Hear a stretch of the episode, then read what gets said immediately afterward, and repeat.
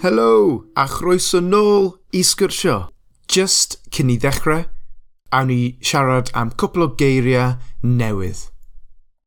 Goro neu gorfod, which is have to, darganfod, discover, goroesi, survive, arwyddion, signs, dyfyniad, quotation, chwedlau neu chwedlau, legends, parch a parchus, respect and respectful, a heiddi, deserve.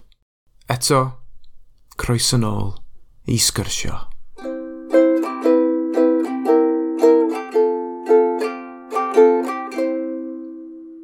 Helo a chroeso i sgyrsio a heddi dwi'n siarad gyda Stephen Rule, a.k.a. Dr Cymraeg, Siamai Stephen, sut o'i ti? Dwi iawn, diolch. Mae dal yn teimlo'n weird i clywed Dr Cymraeg hefyd, er bod e wedi bod yn uh, dwy flynedd a mwy. Mae ma, yeah, ma Stephen Rory Award wedi clywed Dr Cymraeg a mae'n oh gosh, yeah, that's me, isn't it? So, uh, yeah, so, ond, on, yeah, diolch am gael fi ar y rhaglen man. Dwi wedi, dwi, dwi gweld y stwff mae ma sgwrsio yn neud a, a just y, y, y siawns i fod arno fo yn eitha, yn eitha cool i fi. So, diolch, Nick, cheers. Oh, diolch, wel, fi'n fi chyfft iawn i cael ti, achos y, y, y stwff ti'n neud trwy'r Dr Cymraeg yn really, really pwysig, dwi'n credu. A mae ma lot o, um, oh god, dil, dil, dilanwyr Dylynwyr, ie, yeah, yn union, ie. Yeah. Gyda, yeah, gyda ti, dros ma... deg uh, mil. Wel, dwi ddim eisiau, dwi ddim eisiau twtio trwmped fy hun, ond mae yna dros 11 mil erbyn hyn. o, un ar ddeg. Ond na, na, ma, honestly, mae ma wedi bod yn bonkers i, i neud. Dwi just yn cael hwyl yn neud o. Dwi, you know, yeah. dwi ddim yn neud am um, ddim reswm, ond dwi just yn, yn mwynhau rhannu pa mor hyfryd ydy'r Gymraeg ac, mm. uh, a mae ma pobl wedi gweld hynna a wedi mwynhau a uh, mae jyst wedi tyfu ers yna a hmm. ie, mm. yeah, mae ma di bod yn anhygoel, uh, a deud y gwir. So, um, yeah, mae dal yn surprisio fi pan dwi'n mynd ar Twitter a gweld rhywun arall wedi dil a meddwl, oh my word, mae hyn yn, ma hyn yn bonkers rwan, mae'n ma, ma gorau stopio rhywle, ond na, mae'n ma, ma, ma wych, ie. Yeah mewn ffordd eitha debyg i ti, pan dechreuais i y podlediad, nes i ddim disgwyl pa mor enfawr yw yeah. um, yr, yr appetite i, i ddysgu Cymraeg, i trafod yr iaith gyda mm. pobl sy'n sy dysgu. Mae yna llawer ohonyn nhw. Mae'n ma, ma, ma eitha, ma eitha anodd, cos dwi'n dwi cymryd bod ti fel fi wedi bod i ysgol cyfrwng Saesneg, a uh, you know, mae'n ffrindiau sydd ddim yn hoffi Cymraeg, mae'n ffrindiau sy'n, you know, mae'n iawn ac yn y blaen, ond, ond ti'n just gweld bod, ti'n meddwl bod y canran o bobl tu allan yn y byd mawr, yr, yr un peth ac yn yr ysgol, ti'n just, oh, just smatterings here and there math o beth, ond um, pan ti'n mynd i'r er byd mawr, mae ma, ma, ma mor galonogol i weld bod, gosh, gymaint o bobl jyst eisiau bod yn rhan o, o rhyw fath o daith i ddysgu Gymraeg a ie, yeah, oedd yn codi ofn arno fi ar y, ar, ar y dechrau ond uh, na, mae ma wedi syni fi ond mewn ffordd hyfryd a dwi'n siŵr e, efo chi yr un peth hefyd O, oh, ie, yeah, so dwi'n credu um, y cefnder ti yn debyg i fy nghefnder i, falle. O'n i'n meddwl bys o fo, ie. Yeah. Wyt ti'n um, gallu dweud tipyn bach o fel dy daith di gyda, gyda Cymraeg o, like, o le ti'n dod a... Ie, yeah dwi'n meddwl fydd yna lot o crossovers rhwng ti a fi, dwi, dwi, mae gen i mm. deimlad Nick, ond uh, yeah, so uh, tyfu fyny yn, yn hen Sir Flint yma, coed llai oedd enw'r y, y, y pentre, ac eto oedd y ambell i berson yn siarad Cymraeg, ond oedden ni ddim yn siarad Cymraeg yma nhw, uh, ond oedd ddim Cymraeg yn y teulu, na ddim byd fel yna. A i fod yn deg, er bod yr athrawon yn, yn wych, o'n i ddim yn mwynhau'r Gymraeg, uh, deud y gwir. O'n i yeah. just meddwl, pam, pam, pam bod fi angen gair arall am cader pan mae'r ma un chair yn gweithio'n iawn, ti'n gwybod i feddwl? Ac, um, so ie, yeah, oedd y Gymraeg o gwmpas, ti'n gweld ar, ar, arwyddion, ond, ond na, so oedd yna ddim Gymraeg o gwbl, a wedyn pan, es, pan eisiau ddod at yr ysgol uwchradd, blwyddyn saith neu blwyddyn oeth, rhywbeth fel yna, nes i benderfynu bod fi eisiau dysgu fo, wedyn, you know, y, y ffyrdd ar, ar, arferol, wedyn, tygau, lefel A, a wedyn ymlaen i'r brifysgol, a, a just, just bob tro eisiau eisiau Gymraeg fod yn rhan o fy mywyd a, a just tri angorau i ffeindio unrhyw ffyrdd i, i wneud hynna. Uh, a mae wedi newid fy mywyd yn hollol ac um, dwi'n dwi mor falch mod i wedi wneud o. So, ie, yeah, so ni'n meddwl, dwi'n dwi, dwi, hollol siŵr am, am dy gefn dy dynig, ond dwi'n siŵr bod o'n siŵr bod yna debygrwydd fanna, siŵr er bod ti'n dod o'r de bell. Mae'n, ie, yeah, de debyg, debyg iawn. Um, mm. A ti'n gwybod be, dwedais ti, uh, mm. dwi'n cl wastad clywed y ffreis mae Cymraeg wedi newid fy mywyd. Mm. A mae wedi newid fy mywyd i. A mae sure. pob person fi siarad gyda yn y bodlediad, maen nhw'n ddweud yr un peth. Um, yeah. Fel dwedais ti, dwi dod o teulu, sy'n siarad Saesneg, yeah. a es i ysgol yng Nghas Newydd. Um, mm. Dysgais i ddim lot o Gymraeg yn yr ysgol, ges i ddim diddordeb mewn yr iaith, mm. tan mm. o'n i'n 16 oed. Okay. A dechreuais i darllen um, ein hanes ni a dyna, dyna lle nes i darganfod, o oh, waw, yeah. ni'n ni, wahanol. Ie, yeah, yeah. Ni'n diddorol. Yeah. A ni wedi um, goroesi tan hynny. A oedd yn rhyw fath o... Um, I don't know, The switch in a pen yeah. there. Oh, yeah. And then I was yeah. addicted. I, could, I couldn't get enough. Ti'n meddwl mae'n ma, ma, ma reit debyg, ond on, dwi'n meddwl, dwi'n eisiau dweud bod daith rhywun yn well na rhywun arall, ond dwi'n meddwl y ffaith bod ti wedi darganfod bod ti eisiau dysgu Gymraeg trwy'r hanes, mae hwnna'n reit, dwi'n meddwl bod hwnna'n reit naturiol, dwi'n dwi, dwi, dwi wastad edrych yn ôl ar, ar pam, y reswm wir pam, pam nes i mhm. ddysgu Gymraeg, a dwi wastad yn, yn, yn, yn disgyn ar, um, o'n i, gan, you know, cas newydd yr un peth, Sir Flint, reit ar y ffin, a o'n i, o'n i, o'n i eisiau dysgu Cymraeg er, er mwyn dangos mwyn i wahanol, a oedd hwnna'n peth da, dwi'n meddwl, ond dwi ddim yn hapus efo ffaith. Dwi'n meddwl o'n i'n mor yn erbyn Lloegr ar y pryd. Um, a dwi ddim dim mwy, a dwi'n dwi, falch bod, bo fi'n hanner saes o mam fi'n dod o gair ac yn y blaen, a, a dwi'n falch o hwnna. Ond, um, ie, yeah, dwi wastad yn meddwl nôl, um, dwi'n meddwl, nes i ddysgu Cymraeg am, am, am y rheswm anghywir, dweud y gwir. Dylse ti ddim dysgu'r iaith oherwydd bod ti eisiau dangos unrhyw gasineb, you know, yn naif yr ifanc ac yn y blaen. Um, ond, cos uh, dwi ddim yn cysaid, mae yna ma bobl no. hyfryd yn, yn Lloegr, a, a llawer ohonyn nhw yn, yn reit gefnogol tua'r Gymraeg hefyd. Mm. Mae'n braf clywed bod rhywun wedi dewis dysgu Cymraeg oherwydd ein hanes hyfryd ni, yn lle rhywun dop fel fi oedd wedi dysgu Cymraeg oherwydd nhw eisiau dangos i'r pobl o Loegr bod fi ddim yn hoffi chi, a yeah. yeah na, na, dyn ni'n wahanol, you know. Ond, uh, yeah, so um, dwi'n falch bod fi wedi dysgu Cymraeg, ond, mm. yeah, dwi'n dwi, dwi, dwi, ddim yn reit prod o'r ffaith pam nes i ddewis, ond... Uh, ond ar wahan i hwnna, Nick, dyn ni yr un peth. Wel ie, yeah, ond faint oedd... Faint... Faint... Um, oh, so, oh, so, what's it i ddweud? Faint oedd How old were you? Sa'n gwybod sut i ddweud uh, hynny? Na, ie, yeah, ti'n ti gallu dweud uh, be oedd dy oedran di ar y pryd? Ie, yeah, o oh, iawn, ie, yeah, be yeah, oedd dy oedran di. Pa mor hen oedd y ti, pa mor ifanc oedd y ti os ti eisiau ni, cos dwi'n 33 erbyn hyn, a dwi'n gwybod ti'n probably 31, siwr o fod. 32. Um, 32, all right, yeah. rhywbeth ddod. So, ie, yeah, dyn ni ddim yn ifanc dwi'n mwy, yn o'n um, Ond, um, na, dwi ddim yn siŵr. Um, fel nes i dweud, ti a blwyddyn 8. Mm. Dwi'n credu yn wedig pan ni'n ifanc, ni'n trio mm. um, darganfod pwy ydyn ni, you know, yeah. yr er hunaniaeth. A yeah. y, y ffordd dwedais ti fel daeth e mas o'r you know, rhywbeth erbyn Loegr. Mae kind of fel basic Welsh kind of... Ond mae lot o pobl... Mae nhw'n... Mantra.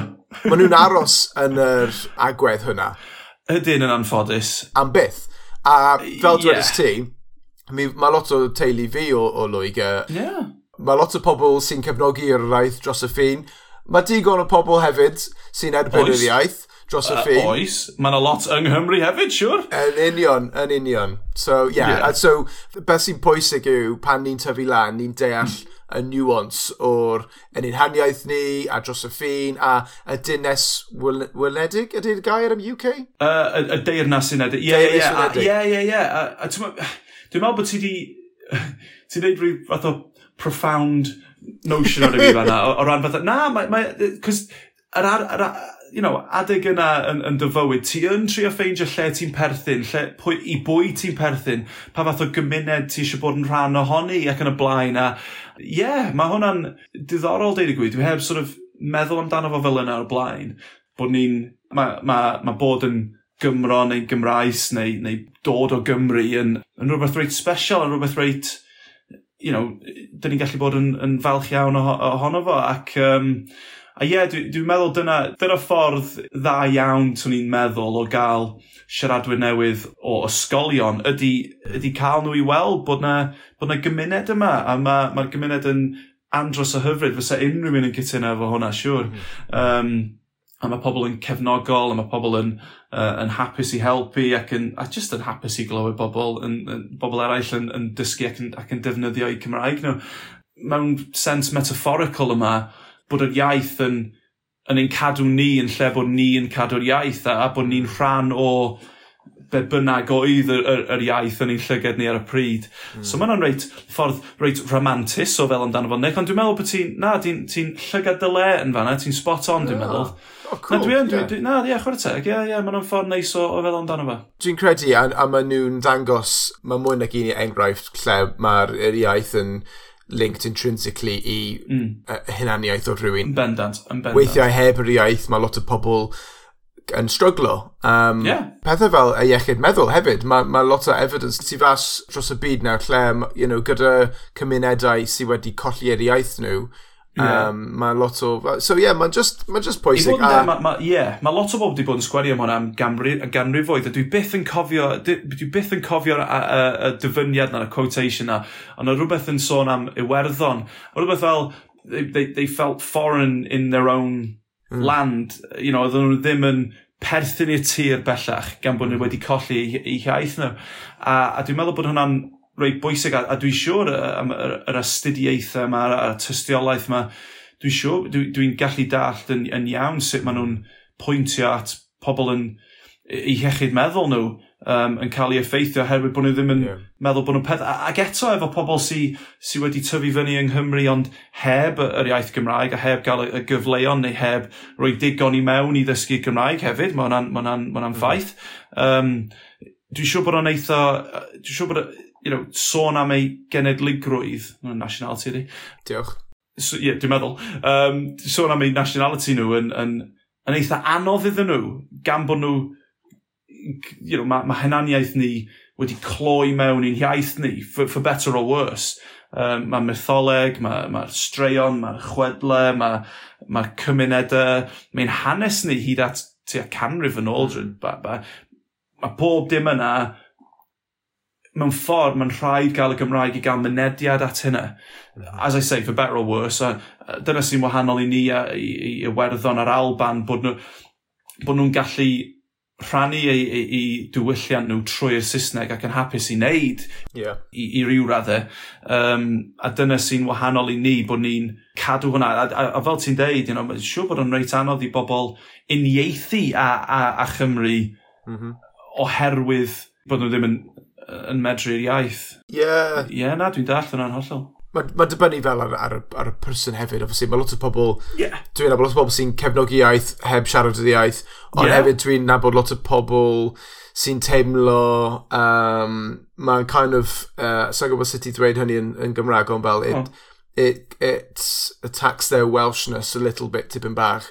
Pan maen nhw weld yr iaith, weithiau maen nhw... Mae'n makes them feel... Uh, threatens Yeah, threatened, yeah. Mae fel, mae'n insecurity. It's like, mae'n teimlo insecurity about their identity. Cytuno, yeah. Ond fel, yn De Gymru, mae ma hanes i esbonio pam yr iaith Saesneg yn bodoli yma mwy na Gymraeg, you know, a, you know, obviously mae lot o cyfleoedd naw, a dwi'n teimlo fel, right now, mae lot o cyfleoedd i ddysgu mm. yr uh, iaith Gymraeg ers y deng mlynedd yn ôl, ond yeah, cyn hynny, yeah. Yeah. dim really. A dwi'n teimlo fel naw ni'n ar y cysbl rhywbeth arbennig, ond um, on basically dwi'n dwi ddweud i bobl fel um, dim bai ti ti ddim yn siarad iaith. You know, achos fi'n gwybod, a ti'n gwybod, ti'n gallu cael hunaniaeth Cymraeg hefyd trwy'r Saesneg, a mae hyn yn hollol bosib. Um, yn De Gymru, you know, mae hunaniaeth mas o'r um, y cymwydd, yeah. a'r dociau yng Nghaerdydd, a mae'r ma hunaniaeth yn bodoli tu fas o'r, o Gymraeg a mae'n ma iawn, ond, mm fel dwi ti, mae Cymraeg yn helpu Ydy. ti cysylltu gyda'r ei hanes ni reit nôl i'r ddechrau o'r, or, wlad ni. Yn union. Y ffordd dwi'n deud ydy, you know, y pobl sydd wedi creu'r wlad yma, oedden nhw'n byw a bod, chwerthin a crio, uh, oedden nhw'n breuddwydio, oedden nhw'n meddwl, oedden nhw'n rhannu straeon trist, rhan ni trwy hapus i gyd trwy Gymraeg ac yn, ac yn llunio a, a, a, a bob dim yn Gymraeg. A mae hwnna'n rhan reit bwerus dweud y gwir. A fel dwi'n hollol gytuno fo ti, ti ddim yn goro siarad Cymraeg um, i fod yn Gymro neu'n Gymraes neu, mm. neu fod yn rhan o cymuned o, o Gymru. Ond be dwi yn meddwl, and, and this might be a little bit out there, ond dwi'n meddwl, os, os os ti'n hapus efo ffaith bod ti'n siarad Saesneg a, a ti, ti ddim yn mynd i ddysgu Cymraeg, totally fine gen i. Ond be dyn ni yn gofyn amdano ydy, ydy, ydy parch. A fel arfer, dyna sy'n digwydd.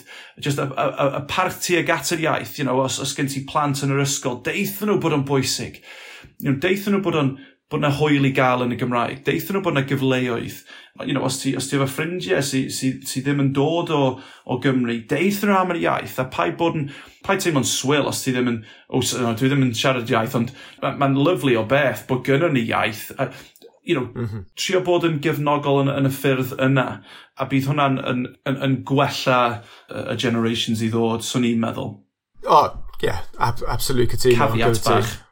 Ie, ie. Ie, no, no, mae'n ma gywir. A hefyd fel, beth sy'n really cyffroes a hyn y bryd yw mm. y resurgence o'r can yma o hyd. Yma o hyd, yes. Achos, mae fel wers mewn hanes Cymru mewn tri, tri, tri funud a mae... yeah. Crash course. Ie, yeah, mae yn. A mae lot o pobl he, you know, mm. sydd ddim siarad lot o Gymraeg, yeah.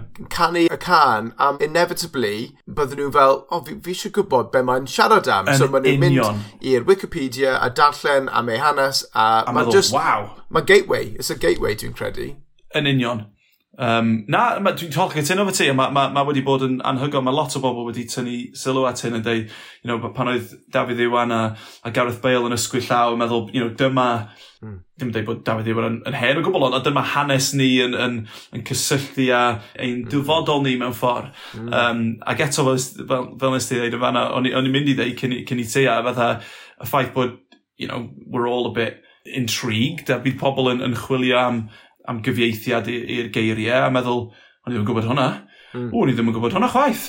Yeah. A, a meddwl, you know, mae hwnna'n ma hwnna reit bwerus, a dwi'n siŵr, dwi'n, dwi swn i'n rhoi pres ar, ar, y peth, you know, swn i'n rhoi arian ar ffaith bod yna bobl wedi mynd ar Wikipedia, ffeindio uh, y cyfieithiad a meddwl, I might just give this a go.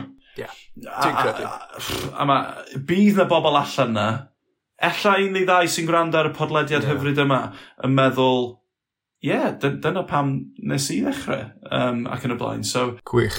Um, so, I was predicting this, but we've gone right off track straight away. Yeah, a fi. Sorry. Wel, dwi'n falch bod ti'n disgwyl o'n Nick, cos o'n i'n poeni am hwnna. O oh, ie, yeah, no, achos fel, fi'n fi teimlo fel fi a ti gallu siarad lot am, am pethau fel yma, achos Probably.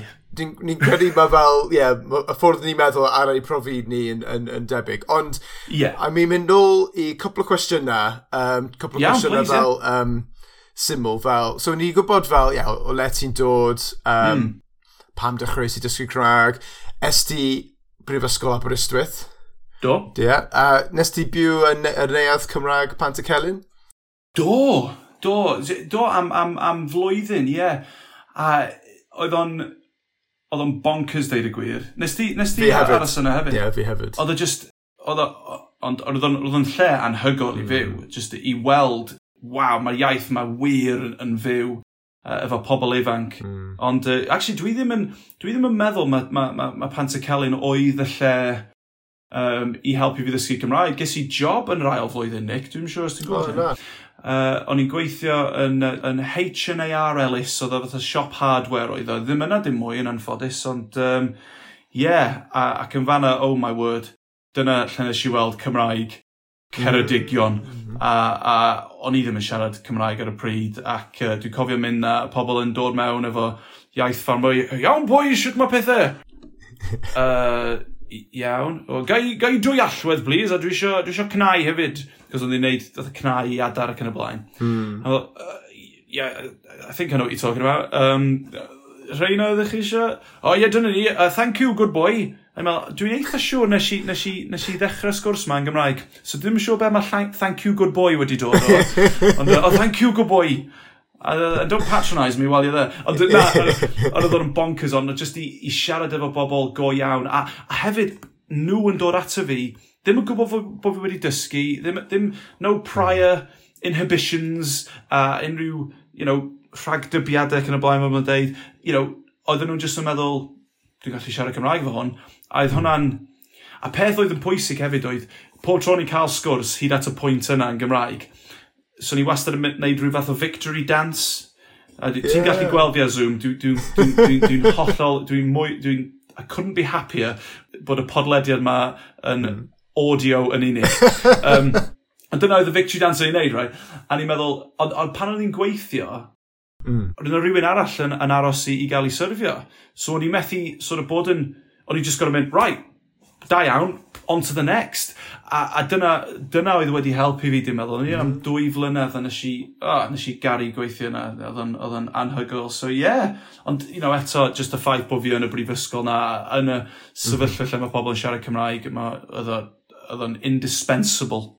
Ie, yeah, a mae yn, a mae dyna rhan o'r reswm es i i aber, achos mm. o'n i, o'n i eisiau dysgu Cymraeg aros yng Nghymru a bod rhywle lle dwi'n gallu ffeindio lot o pobl sy'n siarad yr iaith, yeah. you know, yn y brifysgol a tu fas o'r brifysgol, a ie, yeah, mae fel, you know, Erasmus, o'n i fel Erasmus student, ti'n mod, you know. Yeah, without the paperwork, yeah. Yeah, well, yeah, yeah. Oedd, cos oedd yna gymuned arall yna, you know, mm. a A, a i fod yn deg, oedd o'n hollol hawdd i bobl fynd i Aberystwyth a peidio sort of bod yn rhan o'r gymuned Gymraeg, mm. ond, ond ar yr un pryd os oedd ti isio, os ti'n mm. just barod i, i wneud you know, bach o waith i ffeindio, you know, mi fysa chi'n ffeindio fo. Yeah. Um, dyna'r dyna peth hefyd. Dros Gymru, dim pob le, ond dros Gymru, ti'n gallu byw yn Saesneg, mm. a if you're not, if your ears aren't attuned to it, you won't see it. Na. Ond wedyn, pan ti just... Um, Just yn scratcho'r wyneb yn de. Ie. Yeah. Crafu'r wyneb. Ie. Yeah. A dyna, ie, yeah, yn union. So, a, a dyna, it's kind of a hindrance mewn ffordd, dwi'n meddwl, cos yeah. mae'n rhaid wneud y legwork.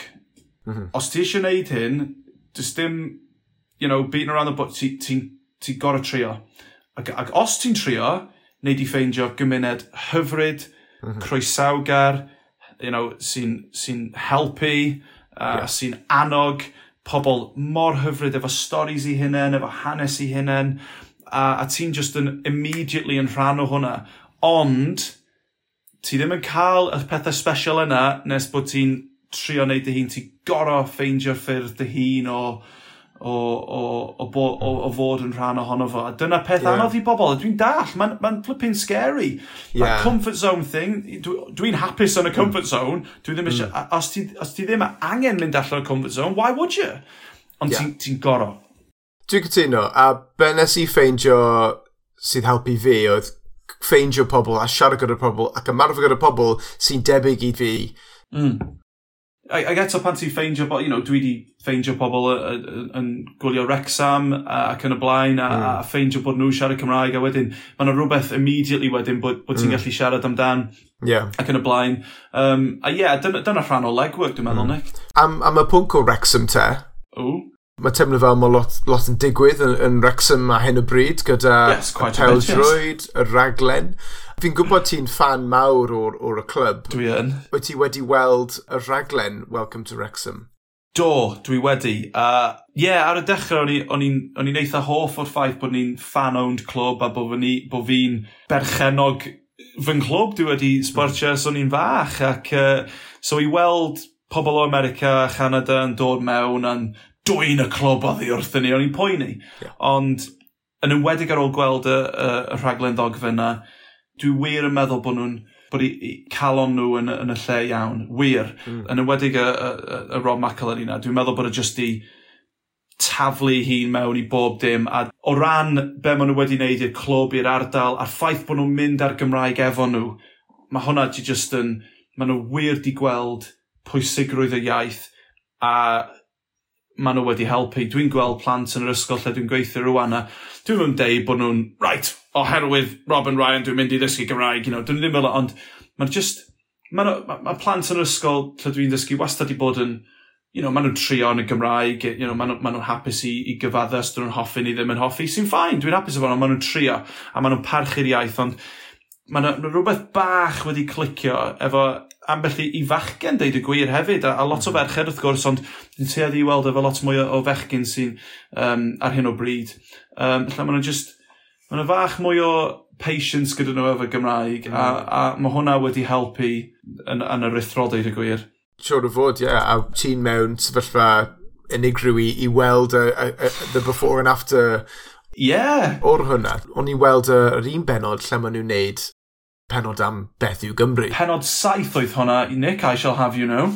Yes, cos o'n i'n caru yr, yr, yr episode yna. A, yeah, yeah, oedd yn briliant. Oedd. Oedd, beth oedd yn hyfryd yw, ni'n cael lot o pobl, you know, comedianwr mm. tu fas o Gymru, a maen nhw'n neud jokes, ond cymryd y piss mas o Gymru, and it's like, we're laughing at you, ond gyda raglen yna, gyda Rob yeah. a Ryan, ro'n nhw'n chwerthin gyda ni. Yeah, yn bendant. And at themselves, a yeah. it, was, it was really, like, subtle, ond roedd yn hollol wahanol i y pethau ti'n weld weithiau gyda comedianwr just dros y ffin. Dwi'n cytuno. A roedd yn just subtle, bach, ond pwysig. Parchus. Parchus. Ydy, basically. parchus, dyna gair, ie. Dyna'r yeah. gair eto. A, you know, dwi ddim yn meindio pobl yn, yn you know, wneud hwyl am, am pen, am benna ni. Fel ys i ddeud, efo, efo'r ddau yma, Rob a Ryan, maen nhw'n because I know them now, I can call them Rob and Ryan. yeah. Um, yeah, my Rob wedi tweetio fi unwaith, a nath, nath Ryan hoffi un o tweets fi, so I, oh, I, can, mate. call, I can call them Rob and Ryan now. Yeah. Ond, no, dwi'n meddwl bod nhw wedi wneud o'n ffordd, fel ti'n dweud, ffordd barchus, mm -hmm. a maen nhw wedi dangos y parch na.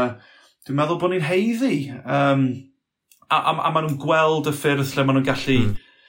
tynnu pobl mewn, yeah. a, a, you know, gyda ffordd parch, maen nhw'n ma pobl mm. busnes, y, y, y ffordd maen nhw'n gweld bod y Gymraeg mm. yn, yn codi arian iddyn nhw hefyd, a, a dwi'n mwy na hapus yeah. iddyn nhw, iddyn nhw wneud hynna. Ie, yeah, you know, ro'n nhw'n chwilio am clwb, ond maen nhw wedi cael diwylliant unigryw a wahanol. Lot mwy. Yeah, a uh, rhywbeth i, i ddangos bant, you know, like, hey, wow, look at, this is so much more interesting. yeah, yeah. Scratching that service again. Yeah, yeah, and it's, mae'n ma gallu bod rhywbeth i helpu pobl werthu stuff, you know, mae hwnnw'n iawn, mm. you know, it's, I'm, I'm not against that, you know. Na fi, dwi'n prynu stuff. yeah, it's, a, it's an attraction, yeah, yeah. Beth ydi heiddi, sorry, fi'n gwybod y gair. Sorry, uh, fatha deserve. Yeah. A, ie, yeah, a fel eisiau dweud, dyn ni yn heiddi bach o break, dwi'n meddwl, o, mm. o, o, pobl yn neud hwyl ac yn y ba. A dwi ddim yn un sy'n cymryd o'n personol bod pobl yn neud jokes ac yn y blaen. You know, dwi ddim yn cymryd o'n personol, dwi'n dwi dall pam a sut mae pobl yn, mm. you know, cymryd offence weithiau iddo fo, cos, you know, mae'n ma eitha drom weithiau, ond, ond... I fi, fel dim offensive, ond just diog a ddiflas. Like, yes. Y joke fel o roedd cath yn cerdded draw'r keyboard. Stori, stori hilarious i ti, Nick. Nes i trio hynny unwaith. Nes i roi mali'r gath ar y keyboard. Yr unig beth nath and I, I, I'm still amazed to this day, right? Nath he just sgwennu a load of closed brackets yeah. and a couple of P's. Yeah. And at a it, I don't know how she did it, there yeah. was a smiley face. and I, honestly, dwi dal efo'r dogfen yna, because I couldn't believe oh, it. Yeah, so yeah. cats can do smiley faces, Nick, but not Cymraeg. yeah.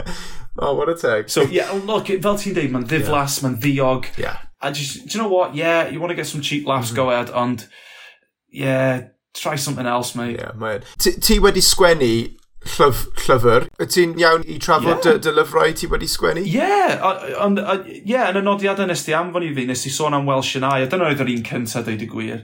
Dwi'n just yn gobsmack bob dydd, a mae pobl yn dal i brynu'r llyfr ac yn mwynhau, ac yn, a peth sy'n hyfryd ydy pan mae pobl yn cysylltu efo ti yn uniongyrchol ar Twitter neu ar e-bost ac yn y blaen, a deud, you know, I've read your story and you know, it really inspired me to try a bit harder and, it, you know, it shows me that I've got a way into Welsh as well. A dyna o'n i isio, deud y gwir. Yeah. Uh, dim, o'n i ddim eisiau rhannu memoir efo yna, o'n i'n 30 ar y pryd, a I haven't mm. got a mm. story to tell yet. Gobeithio bod gen i lot o flynyddoedd i ddod yn fy mywyd, ond o'n i just eisiau dangos i bobl bod na ffyrdd mewn i'r Gymraeg a bod pob taith tuag at fod yn rhugl neu tuag at bod lle ti eisiau bod efo Gymraeg yn wahanol, Mm -hmm. a, ond, ond bob tro mae yna um, mae yna groeso a mae yna gymuned yna a, a dyna newch chi ffeindio a dyna oedd y, y, y pwrpas um, dyna oedd pwrpas uh, Welsh and I deud y gwir um, a wedyn ar ôl hynna nes i ddechrau Dr Cymraeg so oedd o'n ffordd naturiol o, ah. o, o ah. weithio pethau. So, daeth Dr Cymraeg mas o'r y, y, y, y lyfrau o'r ffwrdd sgwennu? Well, whoever this Dr Cymraeg is, that is the story, Nick, yes. Wel, ti'n gwybod be, uh, pan daeth Dr Cymraeg mas, yeah. i ddechrau... Um, It was quite anonymous, doedd. Yeah, ond ges i, ges i um, teimlad, neu ges i syniad, ti oedd e. Achos, a so'n gwybod pam, achos nes i ddim siarad gyda ti lot. Na, ie, yeah, oeddwn ni'n dilyn ein teithiau dros y blynyddoedd do. A dwi'n credu unwaith nes i tweetio a nes i ymateb ti nôl, Yeah. But like, fi'n teimlo fel fi'n gwybod. Hi Nick! Yeah, yeah, yeah, yeah. And I was like, I know, okay, I know who this is. Yeah, it's Dwi'n meddwl ti oedd un o'r rei cynta i, uh, i weithio allan pwy o'n i. O'n i ddim yn trio bod yn anonymous yn ddienw, ond... Bach o hwyl. pryd oedd o'n rhyw fath o gymeriad oedd pobl yn gallu mhm. uniaethu efo. a ni ddim eisiau pobl i, i feddwl... Cos dwi'n cofio pan, pan nes i wneud fideo am y tro cynta ar Dr Cymraeg, a nath rhywun ymateb ar y tweet yn meddwl, I don't mean to be rude, but I thought you were about 60. a ni fatha, no, early 30s, thanks. Yeah. O'n i ddim yn cymryd offensio, o'n i'n chwerthu, dweud y gwir, ond o'n i'n clywed pobl yn meddwl, you know, bod fi'n dros hanner cant oed, dros mm. 60 oed, yn meddwl. Oedd o'n reit diddorol i, i, i weld sut oedd pobl yn ymateb mm. i hwnna. A, fel eisiau dweud, o'n i ddim eisiau bod yn anonymous, ond ar y dechrau, oedd o'n rhywbeth reit hwyl, oedd na rhyw you know, I've been accused of being a bot and all this, like yn y blaen, and, uh, wow. yeah, oedd o'n reit hwyl. I um, mean, that, that's a pretty niche bot. it is quite niche, I'll be honest. Yeah. Dwi'n sure pam, and, uh, yeah, yeah dwi wedi cael hwnna, oh, you're just a bot. I'm like, yeah, a bot who can reply to you in many languages and yeah, yeah we'll well, play that game yeah. if you want, mate. Mwy nag un iaith, achos ti'n siarad mm. cwpl o'r iaithoedd um, Celtaidd, os, os mae'n gywir. Dwi'n dwi, dwi, trio, Uh, dyna mm. peth pwysig i, i gofio fan'na yn hmm. eich yeah. trio. Um, yeah, ac eto, mae'r ma un stori efo Gymraeg efo nhw hefyd, ac o'n i'n teimlo... Dwi ddim yn faich, it's not a, a burden, dwi ddim yn faich ar bobl i ddysgu Gymraeg, um, ond ar y pryd pan o'n i'n gweld hanes Cernyw, Iwerddon, yr Alban, Llydaw, Ynys mm -hmm. Manaw, o'n i, o'n i yn teimlo braidd bod ne faich arna fi i, o leia trio, you know, just trio rhywbeth, just mm. i, i ddangos bod na, bod na bobl allan yna sy'n efo diddordeb. Mm -hmm. Ac, uh, ia, dwi'n dal i dysgu gwyddeleg bob dydd, cynyweg bob dydd, geilig yr alban bob dydd, dwi wedi stopio efo llydaweg a manaweg, a dwi ddim yn hapus am hwnna, dwi... So dwi'n neud unrhyw, you know, cwbl o fynydau e bob dydd, um, i just sort of cadw pethau mynd ac yn y blaen fi jyst mwyn dweud fel, y pethau ti'n neud gyda Dr Cymraeg yn just mor pwysig, achos dwi'n teimlo fel, yn wedig ar, ar Twitter stuff, mm. you know, ti wedi cysylltu llawer o pobl gyda'n gilydd, a maen nhw'n gallu you know, siarad gyda ti, ond gyda pobl eraill ar y posts ti. Mae'n creu cymuned ar-lein yn, yn, yn iaith Gymraeg. A Ydy. Mae yn pwysig pan ti siarad yr iaith lleiafrifol, enwedig os ti ddim yn even byw yng Nghymru a ti'n dysgu yeah. yr iaith Gymraeg. Mae'n a lot ohonyn nhw. O, bendant, ie. Yeah. A i cael y, y ffwrdd arall i gysylltu gyda pobl a ffeindio pobl sy'n dysgu a siarad. Mae'n ma just really pwysig y peth, y peth ti'n neud. No, mate, mae'n meddwl y byd wir. A, a dim dyna ne, pam nes i ddechrau, you know, o'n i just eisiau neud rhywbeth oedd yn hwyl ac yn ddiddorol. Un o'r llyfr nes i, neu dwi'n siŵr sydd wedi gweld, ydy Cymraeg wrth foncio. Um, Beth ydy foncio? Yeah, well, Welsh while you bonk, Nick. Yeah, okay. So, yes, so please don't buy it, ond uh, uh, uh, mae hwnna wedi dod o'r ffaith bod fi eisiau rhywbeth Mm -hmm. Hilarious. Yeah. A, a, basically Cymraeg oedd foncio ydi, mae'n y 30 o brawddegau Cymraeg hollol random, 10 cyn, 10 yn ystod, wink wink, a 10 ar ôl. Stop yeah. laughing, it's not hilarious. It's, Sorry. it's vulgar, Nick, it's awful. Ond, o'n i eisiau gwneud rhywbeth hilarious i bobl. A yeah. wedyn, be, be dwi'n gwneud wedyn ydy dwi'n rhoi y brawddeg, y frawddeg, efo Saesneg o dan efo, llun awful o clip art oddi ar yr we. A wedyn dwi'n trio esbonio'r gramadeg ynddo fo, a wedyn, you know, mae yna un sy'n deud, oes gen ti hankes? Yeah.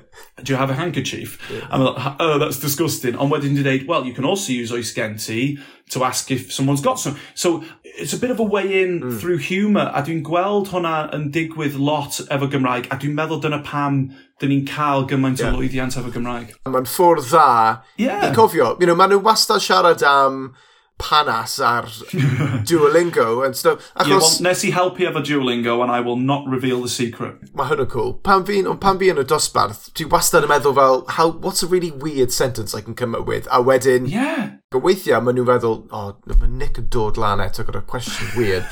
Ond, dyna'r ffordd fi dysgu, achos fel, how yeah. would that, how would I do that, you know, fel... Yeah a ti'n gofyn y cwestiynau cywir, a ti'n ti dysgu trwy neud? Ie, yeah. o'n i eisiau dweud um, rhywbeth fel, um, I was born ready. Right? Ond ces i fy geni yn barod, ond dwi e ddim quite yn golygu yr un peth. works like, I've, I've already been yeah, born. Yeah, yeah. What about, what about barod o'r, or creed? Beth ydi creed? The cradle. Ah, so I'm ready from the cradle. Born ready, yeah. I just made that up, Nick. Barod o'r creed. Diolch yn fawr iawn. Y pwynt ti'n neud ydy, dwi'n cofio ces i'n ngeni, dwi'n yeah. cofio yn barod fel ready ac already. Yeah. A just y ffordd ti'n neud pethau silly ma, mm. maen nhw wir yeah. yn helpu ti ddysgu yn de. So dyna oedd y peth efo Cymraeg wrth foncio, and I will not say any more about it, because it's a disgusting. ti wedi neud bach o Duolingo hefyd?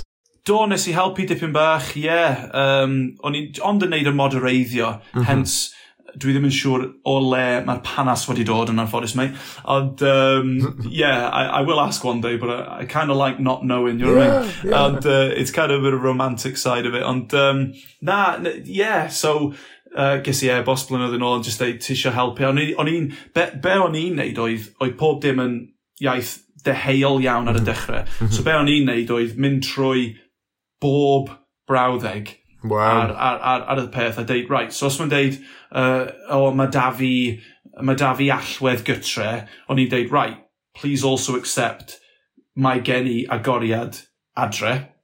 Yeah. Wedyn beth ti'n gorau wneud wedyn ydy, wel, ella bod rhywun yn deud goriad yn y de, ond mae'n deud mae da fi. So, o'n i'n gorau deud, mae da fi agoriad gytre, mae da fi agoriad adre. So, ar, ar, ar combinations i gyd, it took a long time, Nick, ond, uh, yeah, so, nes i ddim sgwennu'r cwrs, mae cwrs yn anhygol. Richard mm -hmm. sy'n sy heiddi'r clod yma na. Um, sy'n heiddi, who deserves, see? It's all these words coming back round again. No, no. On Richard sy'n heiddi'r y clod yma na, ond um, oedd o'n waith anodd, ond oedd o'n werth weil. Ti'n clywed pobl yn dweud, ie, yeah, dwi'n disgo Duolingo, a ti'n meddwl, nes i helpu dipyn bach efo hwnna, a, a mae'n ma, ma, ma deimlad anhygol, Nick, ie. Yeah. Mae hynny'n briliant, ie. Yeah.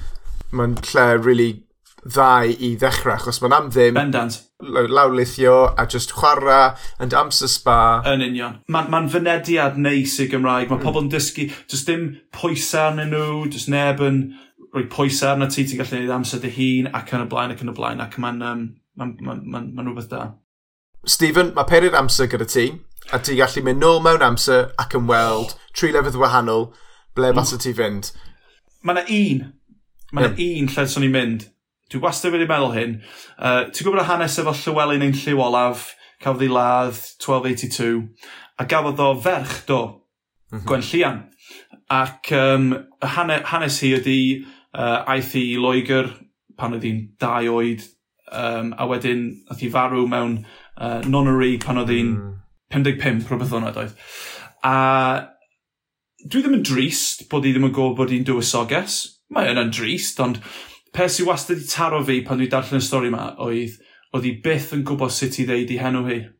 Mm. Oedd hi'n galw hi'n yn Wenclian, yn Gwentlian, a meddwl, that's not right. So, so ni'n mynd nôl i tua 1310, rhywbeth o yna, yn, uh, yn dwy rhain Lloegr, gogledd dwy rhain Lloegr, a so ni'n mynd i'n nonwyr yna, a so ni'n dysgu Gwenllian mm. sut i ddeud i henw hi'n iawn. O mae hyn yn drist o'n brydferth, ti'n modd? Gobeithio, yeah. ond dyna swn i'n neud. Da iawn. Stephen, diolch yn fawr iawn am dy. Oh, mae wedi bod hyfryd i, i trafod a siarad gyda ti.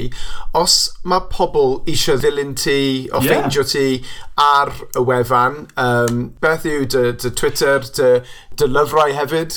Yeah, so, well, actually, my, my, well, yeah, my Twitter ydi yn anffodus, Dr Cymraeg was taken. So, Cymraeg Doctor yn anffodus, ond Cymraeg Doctor ar, ar Twitter. Uh, dwi'n literally ymateb i bawb, a mae lot o bobl yn anfon negeseuon ar hwnna hefyd.